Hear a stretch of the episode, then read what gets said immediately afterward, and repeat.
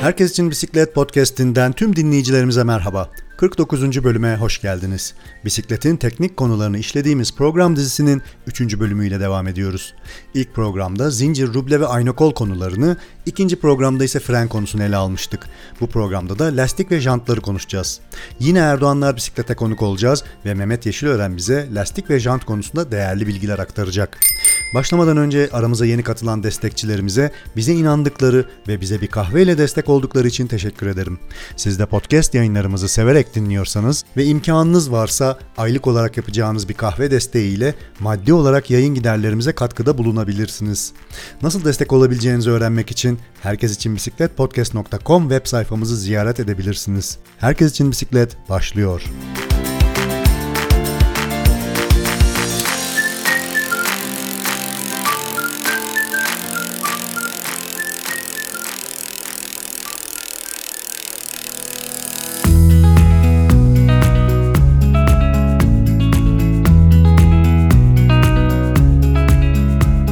Sevgili dinleyiciler bugün Erdoğanlar bisikletteyiz ve e, Mehmet Yeşilören'le beraber başlamış olduğumuz e, bisikletin teknik aksamları konusunun 3. E, bölümündeyiz. Evet. Bugün e, lastikler ve jantı konuşacağız Mehmet'le. Mehmet nasılsın? İyiyim sağ olun. Siz nasılsınız? Teşekkürler. Çok sağ olun. Biz de iyiyiz. İyi olmaya çalışıyoruz. Ee, Ankara'nın kış günlerini yaşıyoruz. Evet, evet. Soğuklar ee, devam ayı, ediyor. evet devam ediyor. Umarım birkaç aya artık bahar inşallah, gelecek ve inşallah. E, eskisi artık. gibi dışarılarda olabileceğiz. Kesinlikle, kesinlikle. Mehmet'le bugün yine Shimano Teknik Servis'teyiz ee, ve Mehmet yine bize e, tamir e, standına e, güzel bir bisiklet astı. Scott marka e, bir dağ bisikleti.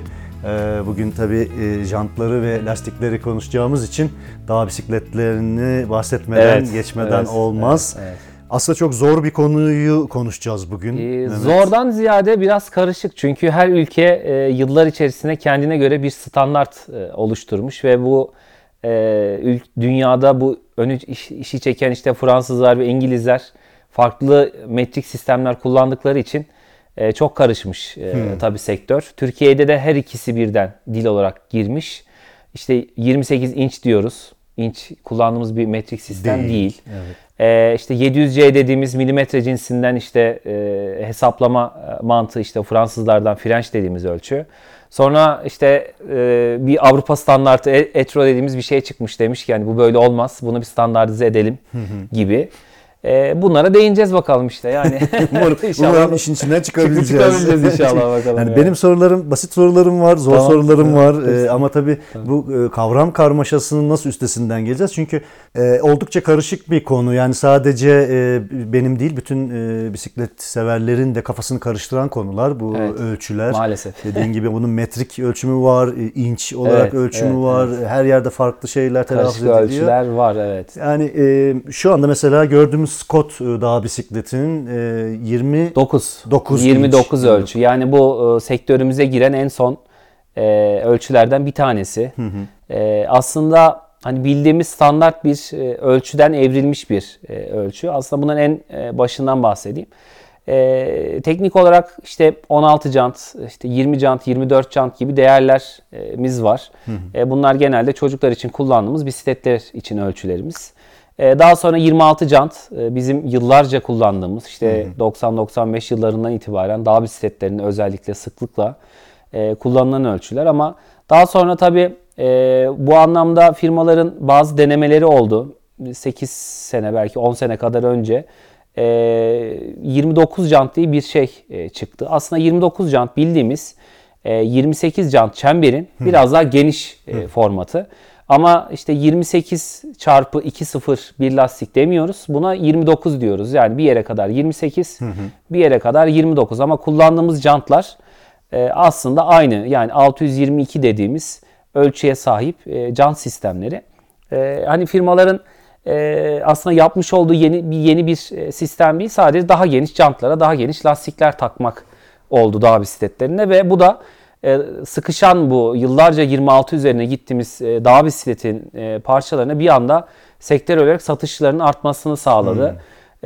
Şöyle düşünmek lazım. İşte 26 için size sadece bir çeşit ölçüde lastik satıyorlardı. Şimdi hem 27.5'u hem 29'u hem de eskiden gelen 26 lastiğini firmalara satmaya başladı üreticiler. E, üç farklı lastik ebatı hepsinin farklı ölçüleri 2.10, 2.25, 2.35 gibi değerler. Farklı lastikler işte farklı maşalar üretildi, kadrolar değişti, buna uygun vites sistemleri gelişti gibi e, durumlar oldu. Yani sektörün bir anda dağ bisikletinde o sıkışan sektör bir anda genişlemeye, hmm. ilerlemeye devam etti. Daha sonra 29 ilk yaptıkları yıllarda e, bunun çok büyük bir teker olduğunun e, kararına vardı bazı firmalar. E, işte hareket e, kabiliyetinin evet. az olduğuna farkına Hı-hı. vardı ve arada bir ölçü yani 27,5 dediğimiz 650B dediğimiz bir ölçü çıkarttılar. Aslında bu e, çok eskiden hani tam tarihçesini hatırlamıyorum ama e, Fransa'da kullanılan aslında bir ölçü 650B dediğimiz daha çok e, işte yarış bisikletlerinde e, gençlerin kullandığı yani 14 yaş, 18 yaş işte e, çocukların kullandığı yıldız gençlerde kullanılan bir lastik jant ebatıydı.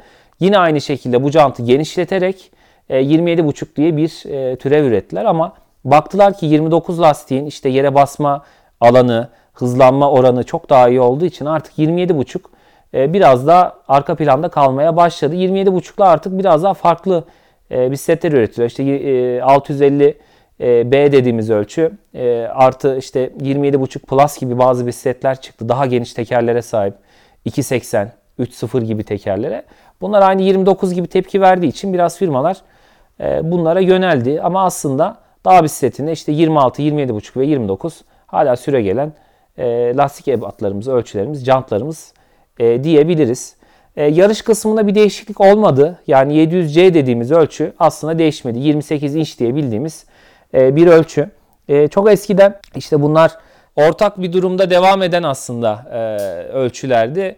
İşte A diye ayrılıyordu, B diye ayrılıyordu, C diye ayrılıyordu. Bu lastiklerin sonunda gördüğümüz 700 çarpı 35C dediğimiz ölçü aslında buradan geliyor. Hmm. Bu 700 işte lastiğin çevresi, 35 lastiğin genişliği yani 35 milimetre. C de içerideki jantın genişliğinden bahsediyordu. Yani jant 622 ise 622 diye bir tabirimiz var. E, bu tabirde ise C'yi kullanıyorduk. E, işte 630 ve 635 gibi değerler vardı. Bunlar A ve B ölçüleri olarak e, devam ediyordu. Ama bunların artık üretimleri durdu. E, artık bu tip bisikletler üretilmiyor. Çok eski üretilmiş bazı bisikletleri firmalar çok az lastik üretiyorlar. Hı hı. Ama onun dışında artık bir standartımız var. E, bütün çemberlerimiz 29 ve 28 e, inçlerdeki çemberlerimiz 622 diye geçiyor. Bunların üstündeki lastikler de 28 jant dediğimiz 700C ölçüsüne geliyor. Aslında çok karışık değil. Sistem olarak şöyle ayrılıyorlar. İnç olan kısmı İngilizler standartize etmiş. 28 işte 1 5 bölü 8, 1 3 bölü 8 gibi bir değer. Hı hı. Bu eşittir 700 çarpı 35. Yani bir French ölçüsü dediğimiz Fransız ölçüsü. Bize aslında biraz Fransızcadan girmiş e, sanıyorum. Daha yaygın kullanıyoruz çünkü 700'leri. Hı hı. E, Etro dediğimiz bir standartta bu da e, lastiği içeriden ölçüp demiş ki buna biz 622 diyelim çünkü bu bir standart. E, işte genişliği de 37 milimetreye denk gelir bu. E, onlar da öyle demiş. Yani bu baktığınız 3 ölçü matematiksel anlamda birbirine eşit. Üretim anlamında eşit ama işte farklı ülkelerde farklı isimlerden dolayı e, böyle bir karışıklık söz konusu yani sektörde yani. Kafamız ondan karışıyor evet. aslında yani. E, Mehmet teşekkürler verdiğin bu karışık bilgiler için ama e, anladım yani öyle diyeyim ben sana. E, şimdi lastiklere so- taktığımız e, jantlar var hı hı. bir de e, piyasada da çok fazla e, jant modeli e, evet, ve evet. E, seçimi var. E, birazcık bunlardan bahsedelim. Tabii. Yani jantların kullanıma göre türleri yapıları. Yani artık günümüz teknolojilerinde jant seçmek e, bisiklet seçmekten daha zor hale geldi. Özellikle yarış e, bisikletleri için. Evet hani kafanızda çünkü Shimano bir standart belirliyor. Evet 10 vites bir bisiklet istiyorsanız Tiagra Grup Set'e ait bir bisiklet gidip alıyorsunuz. Ama bir diyorsanız ya ben 1500-1600 gram aralığında bir jant istiyorum dediğiniz zaman belki 20 25 model jant giriyor işin içine. E, burada tabii fiyat, performans, işte değerler vesaire giriyor işlerin içine. E, özellikle yarış bisikletlerinde tabii e, bu durum biraz daha karışık. Çünkü orada işte watt kazanımı dediğimiz akışkanlık ön plana çıkıyor. Hafifliğin getirmiş olduğu avantajlar var. Dezavantajlar da tabii söz konusu. Dağ bisikletlerine biraz daha şey basit. Sadece göbek teknolojilerine göre siz bisikletimizin işte sokma mil sistem kullanıyorsak işte ön taraf 15 çarpı 100, arka taraf 12 çarpı 142 ise buna uygun bir jant e, seçimi e, yapabiliyorsunuz gibi bir durum e, söz konusu. Bu şekilde ayrılıyorlar aslında basit olarak yani. Peki jantlar karbon jant var, alüminyum jant var. Onlar yani mesela dağ bisikletinde de karbon ve alüminyum jant kullanabiliyor muyuz? E, tabii ki yani dağ bisikletleri veya yol bisikletleri için de şeyler söz konusu bu tip ayrımlar. E, özellikle profesyonel seviyede dağ bisikletlerine karbon jant kullanan yarışçılar var. Kullanıyorlar da tabii. E, bunun için işte Riche yıllarca çalışmalar yaptı. DT Swiss hala üretiyor karbon seviye jantlar. E, ve çok da hafifler yani 1100-1200 gramlarda jant setlerinden bahsediyoruz. E, yarış bisikletlerine durum biraz daha farklı. Çünkü orada biraz hafiflik odaklı olduğu için e, biraz daha e, seçenek çoğalıyor aslında. E, evet karbon profilli çünkü aerodinamik bir jant istiyorsanız e, aerodinamik bir yapıya sahip bir e, yapısı olması lazım. Bu da alüminyumlu olamıyor. Çünkü alüminyumu 30 milim profilde böyle aerodinamik bir jant yaptığınız zaman jantın ağırlığı böyle 1800 2 kilolara kadar çıkıyor. Bunu da hafifletebilmenin tek e, yolu karbon e, kullanmak ve ki bisiklette çok yaygın bir e, durum. E, o yüzden hani karbon bir jant e, kullanımı bu yüzden yaygınlaştı. E, işte triatlon gibi bir ya da Ironman gibi bir durumla ilgileniyorsanız ve aerodinamiklik sürtünme sizin için çok önemliyse evet 50 milim profil 60 milim profil bir jant kullanmak zorundasınız.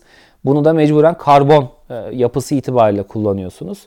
E, o yüzden hani bunlarda da e, tabii kazanımlar çok yüksek. Karbondaki avantajlar inanılmaz. Hı hı. E, evet niye bu fiyatlar diyoruz? Yani şu an karbon bir can 15, 20, 30 bin lira yani hı hı. E, neredeyse bir, iyi bir bisiklet fiyatına iki tane jant alabiliyorsunuz gibi ama evet yarışabilir seviyedeyseniz evet bu işi ciddi anlamda yapıyorsanız e, bu meblalar aslında yapılması ödenmesi gereken meblalar. Çünkü size gerçekten kazanımı olan şeyler, e, ürünler. E, çünkü burada en önemli şeyimiz bizim yarış bisikletleri için söyleyeyim. E, watt kazanımı olduğu için e, ne kadar e, size faydası olan parçalar varsa bunları kullanmamız e, şart diyebilirim yani açıkçası. Bir de bu jant tiplerinde fren sistemine göre jant tipi de değişiyor değil mi? Bir önceki programımızda frenleri konuşmuştuk evet, ama evet. E, jantların da mesela V fren ya da U frenli sistemlerin jantlarının e, yapısıyla işte disk frenlerinki farklı mı? Şöyle farklı aslında sadece jant çemberlerinin yüzeyleri farklı ee, ve U fren sistemlerde e, işte göbek standart bildiğimiz bir göbek ve jant yüzeyi üzerinde bir e, yer mevcut fren pabuçlarının sıktığı. Ama disk frende öyle bir durum söz konusu değil. Disk fren olduğu için e, jant yüzeylerini çok daha geniş kullanabiliyorsunuz. E, çok daha farklı tasarımlar ortaya çıkabiliyor disk fren e, jantlarda. Çünkü göbeğinizde olduğu için rotor jantla istediğiniz gibi tasarımsal anlamda oynayabiliyorsunuz aslında. Hı hı. E, bu da firmalara biraz elini genişletti. Daha geniş lastikler kullanabilmemize olanak sağladı. E, baktığımız zaman artık disk frenli sistemlerdeki yarış bisikletlerinde e, 700 çarpı 28 ve üzeri lastik kullanılıyor. U frenlerde daha düşüktü. 28 ve aşağısıydı. E, 23 gibi, 25 gibi lastiklerde. Tabii geniş lastik e, biraz da konfor getirdiği için e, firmaların çoğu artık e, disk frene ve böylece de daha geniş lastiklere e, yöneldi diyebiliriz yani. Hı hı hı. E, jant telleri konusunda birkaç bir şey sormak tabii, istiyorum. Tabii. E, bir jantın tellerinin sayısını belirleyen şey nedir? Aslında o da şöyle e, ayrılıyor. E, farklı tasarımlar ve farklı yapılar söz konusu. Özellikle e, jant teli burada en önemli e, etkenlerden bir tanesi. E, sürüş yapabileceğiniz özellikle dayanım anlamında. Dayanıma en çok ihtiyacı olan bisikletler tabii ki tur bisikletlerimiz. Çünkü e, kişinin yükü ve arkada taşıdıkları veya önde taşıdıkları yükü karşılayabilecek yapıda e, can telleri yapılması gerekiyor. DT Swiss gibi firmalar bu konuda çok ileride zaten çok özel e, ürünler üretiyor. Farklı çekme e, teller piyasada var şu an. Hı hı. Jantlardaki delik sayısını aslında bu sağlıyor. İşte bir tur bisikletçiyseniz ve bu işi yapıyorsanız evet ne kadar çok tel sayısı varsa tele binecek e, güç o kadar azalır. Bu hmm. da telin dayanımını arttıran bir unsurdur aslında. Yani 20 delikli bir 20 e, tane telle çıktığınız bir tur mu e, daha güvenli olur? Hmm. Aslında 36 delikli 36 telle çıktığınız çünkü tel başına düşen kuvvet ona göre paylaşıyor ve hı dayanımı ona göre artıyor ve e, direnci de artıyor aynı zamanda. Ama yarış bisikletlerinde veya dağ bisikletlerinde durum biraz daha farklı.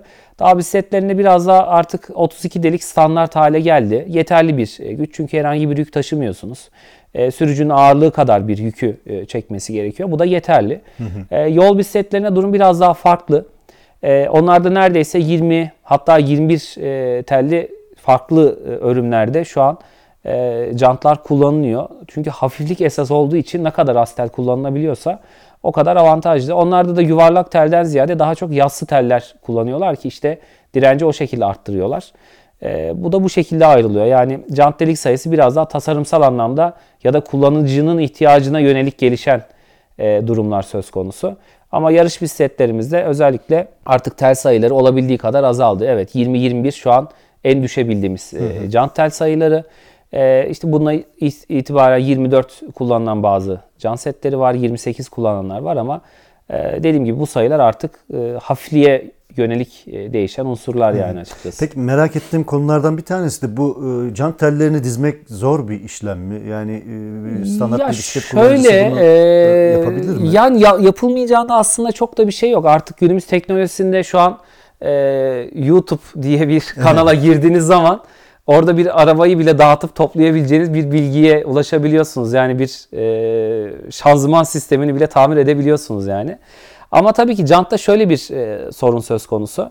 E, evet jantı bakarak ördünüz vesaire ama e, bunlar için özellikle akort yaparken yani telleri gererken yapmanız gereken bazı püf noktalar, özel detaylar söz konusu. Bunları da e, çok iyi ustalar evet ben yapıyorum e, diyorlar ama bunların mutlaka ölçülmesi, işte artık Parktool gibi firmaların aplikasyonları var. Bunlara girerek bu telleri teker teker ölçüp e, size diyor ki evet bu teli ölçtün. Diyor ki 5. telde sorun var. 7. teli fazla sıktın.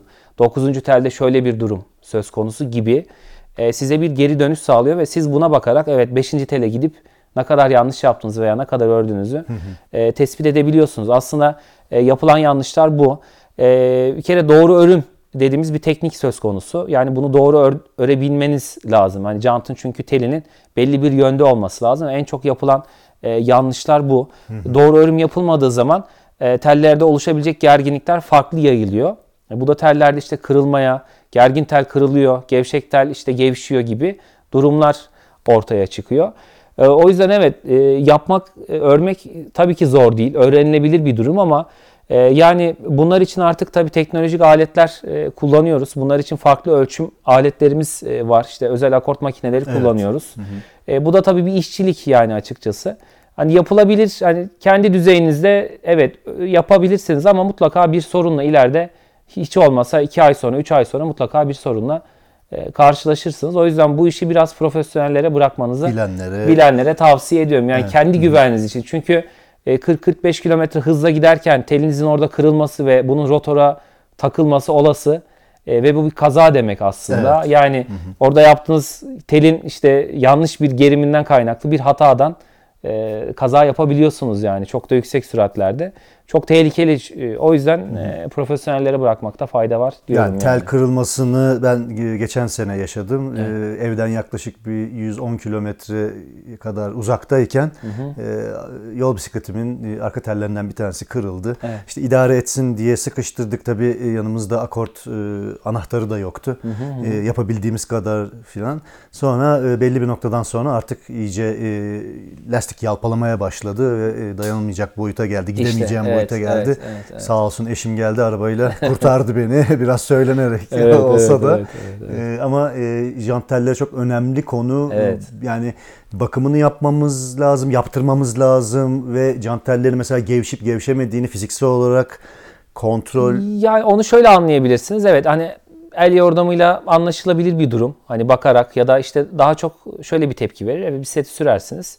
Ee, bir yokuşa geldiniz ya da tork altında jantınızdan çok garip simetrik olmayan sesler duyarsınız. İşte bazı gıcırtılar, e, bazı sesler. Evet bunu duyduğunuz zaman e, telinizin artık gevşediği anlamını taşır bu. Özellikle tork altında ortaya çıkar ve genellikle arka tekerde e, ortaya çıkar. Bunu duyduğunuz an evet bilin ki jant, jantınızda bir problem var. Hani bunun üzerine giderseniz ya tel kırılır ya jant bozulur. E, işte jant e, akorda gelmez bir hal alır gibi e, durumlar söz konusu. Yani bunu getirdiğiniz zaman çünkü bizim de atıyorum o sesleri duyduğunuz zaman ki e, ne sıfıra yani sıfır noktasına getirmekle daha ileridekini getirmek çok daha bizim için de zor oluyor. E, o yüzden hani en erken ne zaman e, bu tepkiyi duyduğunuz zaman, bu sesleri duyduğunuz zaman getirmenizde e, tabii ki fayda var diyebiliriz yani. Mehmet buradan e, lastik türlerine aslında atlayalım. E, çünkü jantları konuştuk. Hı-hı. Jantların üzerine takacağımız lastik tipleri evet, de evet, çok o da çok önemli. Kesinlikle, gösteriyor. kesinlikle. Doğru lastiği bulmak, doğru lastiği takmak da çok evet, önemli. Evet. E, farklı teknolojiler var, farklı çözümler var. Evet. Onlardan biraz bahsedelim mi? Şöyle e, yapısı itibariyle tabii jantlar e, artık e, biraz evrildi diyebilirim. E, işte yarış bisikletlerinde tubular dediğimiz e, sistemler kullanılıyordu profesyonel seviyede. Çok eskilerden beri e, kullanılıyor bu sistemler. Hatta belki eski fotoğraflardan hatırlarlar. Eskiden e, yanlış hatırlamıyorsam 60 belki 65 yıllarında Fransa turları koşulurken e, sizin yanınızda bir teknik ekip ya da birinin size yardım etmesi gibi bir durum e, yasaktı. Hmm. E, vücudunuzda bir lastikle gezerdiniz. Evet, öyle fotoğraflar. O fotoğrafları hatırlarsınız o Euroica'nın işte olduğu zamanlar. Onlar da e, o zaman işte o lastikleri sizin değiştirmeniz gereken durumlar e, söz konusu. İşte bu dediğimiz tubular lastikler bunlar yapıştırma dediğimiz lastikler. İç lastikli bir yapı var. Bu hepimizin bildiği standart e, donanımda kullanılan e, durumlar. İç lastik dediğimiz, içine içine şamyel dediğimiz bir sistemin olduğu çıkartıp değiştirdiğimiz, işte patlan tamir ettiğimiz bir düzenek. Bir de e, sektöre işte e, çok uzak değil yani yakın dönemde e, girmiş bir e, tubeless dediğimiz bir e, yani e, lastikten ari bir iç lastiği olmayan e, bir durum söz konusu. E, bu da işte içine sıvı koyduğumuz işte patladığı zaman bunu tamir edebilen ya da hava kaçamalarını engelleyebilecek bir sıvıyla beraber kullandığımız bir yapı. Hepsinin kendilerine göre avantajları, dezavantajları var. Bunlardan çok kısa e, bahsedeyim. Lütfen. E, iç lastikli kısımlar bizim bildiğimiz standart şamyel mekanizması ama tabii ki e, dış lastikle iç lastiğin arasında herhangi bir katman olmadığı için bir tel, bir diken bir şey tamamen iç lastiğe e, gelebilme ihtimali söz konusu. Tabii bu da patlamaya e, sorun verebilecek bir durum ama tabii ki tamiri mümkün. Çıkartıp bildiğimiz yama e, sistemleriyle işte zımparalayıp yamalayıp devam edebiliyorsunuz. Yedek lastiğiniz varsa takabiliyorsunuz gibi bir düzenek söz konusu. Firmalar iç lastikli sistemler için artık patlama engelleyici lastiklere doğru hı hı. E, bir e, çalışmalar yapmaya başladı. Özellikle şehir bisikletlerine dişsiz lastiklerde bu çok sıklıkla yaşanıyordu ve artık e, işte patlak önleyicili lastikler dediğimiz işte zırhlı diye tabir ettiğimiz lastikler e, söz konusu. İçinde içinde 3 milim 5 milim gibi maddelerin olduğu tabii ki bir miktar ağır evet. ama patlama direnci olan lastikler. E, işte Şivalbi gibi firmalar bunları dağ bisikleti lastiklerine de uygulamaya başladı. Hı hı. E, bayağı bildiğimiz dişli dağ bisikleti lastiğini artık korumalı dış lastikler mevcut. Zırhlı lastikler. İşte patlamasın, benim için ağırlık önemli değil diyen müşterilerimiz için hı hı. böyle bir çözüm söz konusu. E, tubeless biraz daha farklı bir mantıkla çalışıyor. Tubeless yani iç lastiğin olmama, olmadığı durum Hı. diyebiliriz. E, jantınızın yapısı e, işte hava engelleyici bazı şeritler yapıştırarak iç kısmına e, ve lastiğe bir sıvı e, koyarak e, tubeless lastikler kullanabiliyoruz. Tubeless'in en e, bize getirdiği en e, kolay mantığından bahsedeyim. Havanın basıncını düşük kullanabildiğimiz için yani iç lastikte 100-110 piyasa, 120 piyasaylar bastığınız bir lastikte tubeless'te 80'lere, 90 piyasaylara kadar düşebiliyorsunuz. Bu sizin sürtünmenizle alakalı bir sorun yaratmıyor. Aksine konfor getiriyor. Hmm. E, bu konforda sürüş için e, gerekli durumlardan bir tanesi. Hı Yani tubeless bir lastiğiniz varsa, yarış bisikletleri için konuşuyorum. Evet. Tubeless bir lastiğiniz varsa düşük havalarda kullanabiliyorsunuz. E, zaten dağ bisikletinde artık tubeless olmazsa olmaz bir durum. Çünkü arazide e, giderken lastiğinizin patlaması, e, işte lastiği bir şeyin kesmesi çok olası. Evet. E, bunu da e, içine koyduğumuz sıvı tamir ediyor. E, tubeless sıvısı dediğimiz işte patlak önleyici sıvılardan içine koyduğumuz sıvılar bunları tamir etme özelliğine sahipler. Yani şöyle tarif edeyim. E, yani havayla beraber temas ettiği zaman yapışabilen bir e, madde e, durumunu alıyor hı hı. bu madde ve delikleri kapatabilme özelliğine sahip. E, işte Schwalbe gibi e, farklı firmaların üretmiş olduğu birçok e, bununla ilgili şeyler var. E, solüsyonlar mevcut. İşte Vittoria firması şu an bazı lateks ürünler üzerinde çalışıyor. Onlar da çok başarılı. Bir sürü tabii bununla ilgili firmalar var dünya üzerinde çalışma yapan ama yani tubeless artık daha bisikletlerine vazgeçilmez bir sistem. Yarış bisikletlerinde bu anlattığım sistemlerin üçü de kullanılıyor. Yani iç lastikli, tubeless ve tubular dediğimiz yapılar söz konusu. Hı hı. Tubularlar evet artık e, günümüz teknolojilerinde tubelesslere biraz yerlerini bıraktı. Çünkü tubular lastikler ve jantlar Evet pahalı sistemler, e, çok tubular lastiklerin tamiri mümkün olmayan parçalar ve maliyetli ürünler. E, evet hani bir can setiniz vardır, e, tubular bir e, sisteminiz vardır. Hani yarıştan yarışa kullandığınız bir mekanizma söz konusu ama tubuları niye kullandığımız e, sorusu da ortaya çıktığında yüksek basınçlara dayanabilme kapasitesine sahip. Yani yüksek profili bir jantınız var ve buna tubular bir lastik taktığınız zaman bu lastikler ortalama 140, 150, 200 piyasalara kadar dayanabilen e, yüksek kevlar oranı içeren lastikler söz konusu. E, bunlar artık evet e, profesyonel seviyedeki yarışçılar için vazgeçilmez e, değerler ama e, hani günlük kullanıcılar için evet iç lastik ve tubeless yeterli aslında. E, tubeless kullanan çokça kişi var ama tabii artık yapılma iti- itibariyle hani biraz kendinizin yapabilmesi mümkün bir sistem artık tubeless'ler ama iç lastik bildiğimiz standart hepimizin müdahale edebildiğimiz iki tane işte levye ile iç lastiği sökebildiğimiz bir mekanizma. O yüzden hani kullanıcıların çoğu, üreticilerin de çoğu e, ürünleri iç lastikli çıkartıyor. Tubeless seçeneğini e, size size bırakıyor. Ek yani jantlar hı, ve opsiyon. lastikler uyumlu. Siz isterseniz onu daha sonra tubeless'e çevirebiliyorsunuz gibi bir e, sistem söz konusu artık. Lastikleri konuşurken şu en temel e, konuya da e, değinmeden geçmeyelim. E, lastik hava basıncı ne olmalı? Ya orada aslında şöyle e, lastiklerin e, hava basınç değerleri e, maksimum minimum olmak üzere lastiklerin üzerlerinde aslında yazmakta. Yani bir müşteri ya da bir bisiklet sahibimiz evet ya unuttum yani lastiğin kaç basılacağını unuttum gibi üzerindeki değerlere yakın e, bir hava basabilir. E, bunlar için tabii işte biz de faydalandığımız mesela Michelin'in e, bununla ilgili tabloları yayınladığı bir e, link var yani bir sitesinde bir yer var. E, biz de buraları kullanıyoruz açıkçası. Hani orada kilogramınıza göre lastiğinize kaç hava basmanız gerektiğiyle ilgili işte yüksek, orta veya düşük gibi değerler söz konusu ama çok hani ona da bakmadınız ya da tahmin olarak bir hava basacaksanız eğer lastiğinizin diyelim ki basıncı daha bir seti için konuşayım. İşte 25 ile 55 diyelim aralığında bir lastik hava basıncı tavsiye ediyor firma. Evet bir miktar bugün yolda kullanacaksanız arazi sürüşünüz %20'lerdeyse eğer %80'i yolda geçecekse yüksek bir hava basıncına yakın kullanabilirsiniz. Yani ortalama 40-50 psi civarı bir hava basıncı. İdeal ama araziye girdiğiniz zaman yüzey alanı genişletmek ihtiyacı olduğu yani tutunmayı arttırmanız için havayı düşürmeniz gerekiyor. Ee, daha ileri seviyede yani evet enduro gibi, trail gibi ya da daha böyle downhill gibi lastikler kullanıyorsanız eğer bunlar için e, bazı hesaplamalar var. İşte kilonuza göre e, bazı hesaplama mantıkları söz konusu. E, profesyonel seviyede bunları kullanmak daha doğru.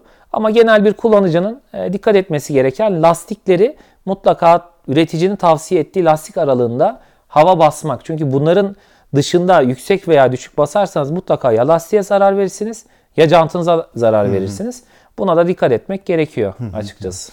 Ya bu noktada e, aslında sürüşe çıktığımız zaman bisikletimizle yanımızda bir takım alet edevatların olması, özellikle pompa gibi e, Evet. ya da karbondioksit Evet, evet. tüpü gibi bir takım e, malzemelerin olması da hayat kurtarıcı oluyor.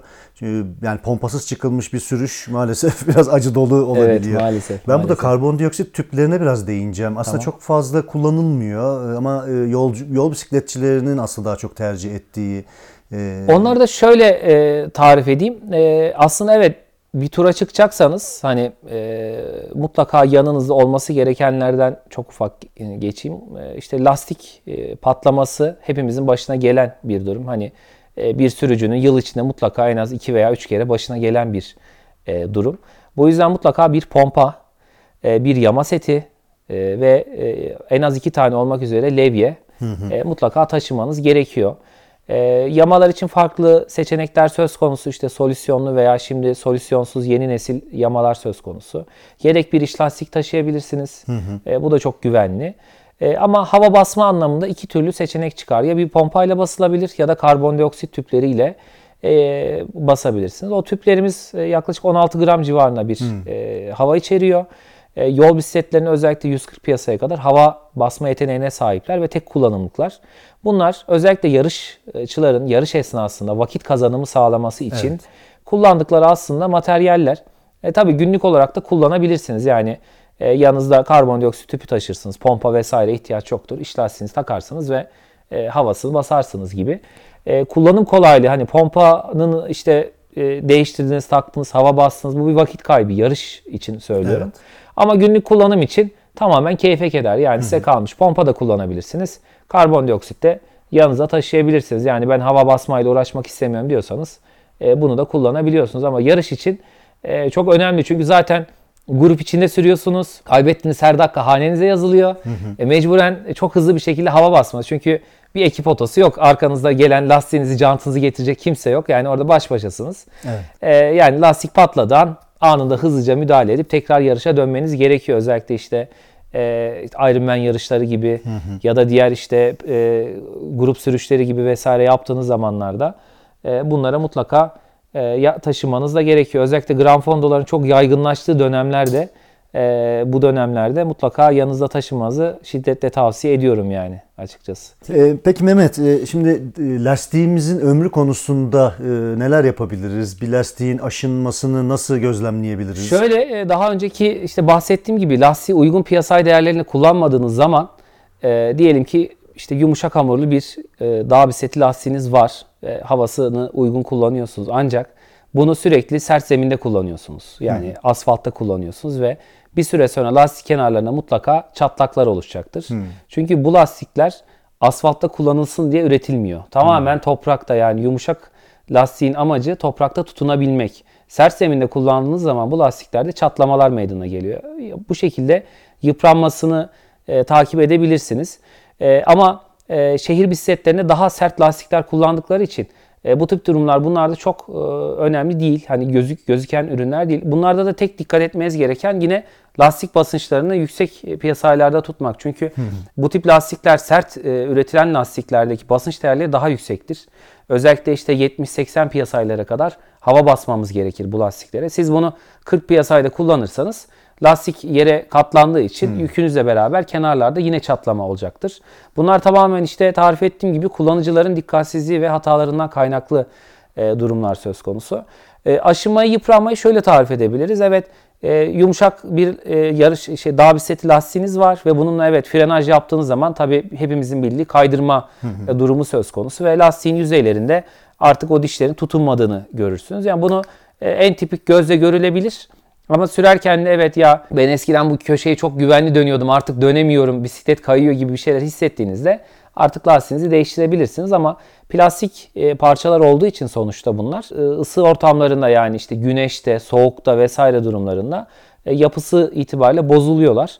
E, ortalama diyebileceğimiz 4-5 senede bir lastiğiniz eğer hiç bir şey olmadığını, gözde de bir şey görmediniz, dişler de yıpranmadı ama güvenliğiniz için mutlaka en azından 5 senede bir lastiğinizi e, değiştirmeniz gerekir. Yarış bisikletlerine biraz daha farklı bir durum söz konusu. Artık e, bazı firmalar işte Continental gibi, Victoria gibi firmalar lastiklerin üzerlerine e, simetrik olacak şekilde orta hattın sağında ve solunda olmak üzere iki tane delik koyuyorlar. Bu delikler aşıma göstergeleri. Yani bu delikleri görmediğiniz zamanlar artık o yüzey aşınmış demektir ve bu lastiği değiştirmeniz gerekiyor e, diyebiliriz aslında. E, tipik olarak buradan e, kontrol ediyoruz. Ama bundan daha önce lastiğinizde yine bir çatlama olabilir. Kenar yüzeylerine bazı durumlar söz konusu olabilir. Ya da en basitinden kevlar artık parçalanmaya başlar kenarlarından. E, bunları da e, dikkat ederek Evet, yani ciddiye almamız gerekiyor. Evet, bu tür evet. fiziksel, bu tür fiziksel durumları gözle görülebilir. Özellikle hani bisikletinize binmeden şöyle bir baktığınızda ya evet, neresinde ne var dediğiniz zaman ya da bir bakıma aldığınızda mutlaka lastikleri de kontrol etmenizi zamanı gelince de tabii tabii tavsiye ediyoruz yani açıkçası. gerekiyor Tabii. ki çünkü e, bütün Hoca güvenliğimiz orada yani iki Aynen. tane lastik yani tutunan iki tane lastik. E, Son olarak e, sibop tiplerinden biraz bahsedebilir miyiz? Farklı sibop tipleri var. Evet, Bunların isim evet. adları da biraz kafa Biraz karıştırıyor. karışık evet yani işte yine aynı şey. Her ülke kendince bir isim ve bir ürün üretmiş. E, işte e, Dunlop diye dediğimiz bir e, sibop sistemi var.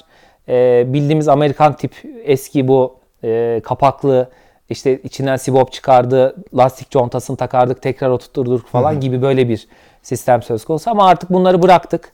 Şimdi kullandığımız iki tane yaygın bir otovalf dediğimiz işte e, araba sibop dediğimiz kullandığımız bir standart. Bir de Presta dediğimiz e, iğne sibop dediğimiz yani kafasına sarı bir iğnesi olan ve açıp iğne ile beraber hava bastığımız sistem.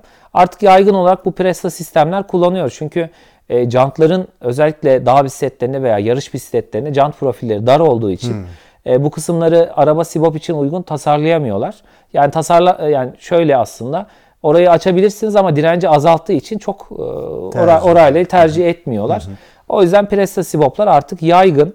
E, ama tabii ki şehir bisikletlerinin özellikle e, bazı işte elektrikli bisikletler yani günlük şehrin içine kullandığınız bisikletlerde araba Sibop dediğimiz bayağı bildiğimiz otomobillerde veya motorlarda denk geldiğimiz Sibop e, mekanizması. Bunu da e, çok kolaylıkla herhangi bir yerde yani bir benzinlikte bile hava basabildiğiniz sistemler ama Presta sistemler için mutlaka yanınızda bir pompanızın olması yani sizin bir pompa edinmeniz e, açıkçası gerekiyor yani. Farklı adaptörler söz konusu ama yani bu adaptörler çok e, verimli şeyler değil. Yani e, sadece oraya takılıp e, o sibobun biraz daha genişliğini arttırdığınız parçalar ama tamamen o hava girişini engelleyen aslında unsurlar.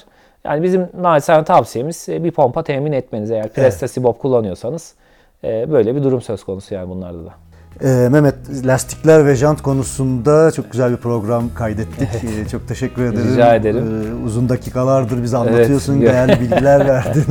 Yani şöyle tabii lastik jant e, yani anlatabileceğim aslında belki saatlerce Evet. bilgi söz konusu ama tabii çok detay, çok hani kafamızı karıştıran bazı bilgilerden e, bahsetmeye çalıştım.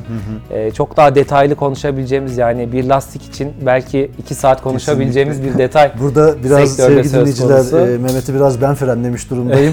Çünkü hani podcast'imizin format gereği işte maksimum 30 dakikalık 40 dakikalık programlar hedefliyorum. E, hani O yüzden yine, yine de kısalta- çok kısalta buralara Hiç kadar. sorun değil. Anlatabiliriz yani ama Çok merak ettikleri ederim. başka bir konu olur, bir şey olur. Bize her zaman zaten ulaşabilir yani müşterilerimiz, Çok dinleyicilerimiz. Ne Emeğine demek? sağlık. Rica ederim. Görüşmek dileğiyle Çok diyorum. teşekkür ederim. Görüşürüz. Çok sağ olasın. Çok sağ olun.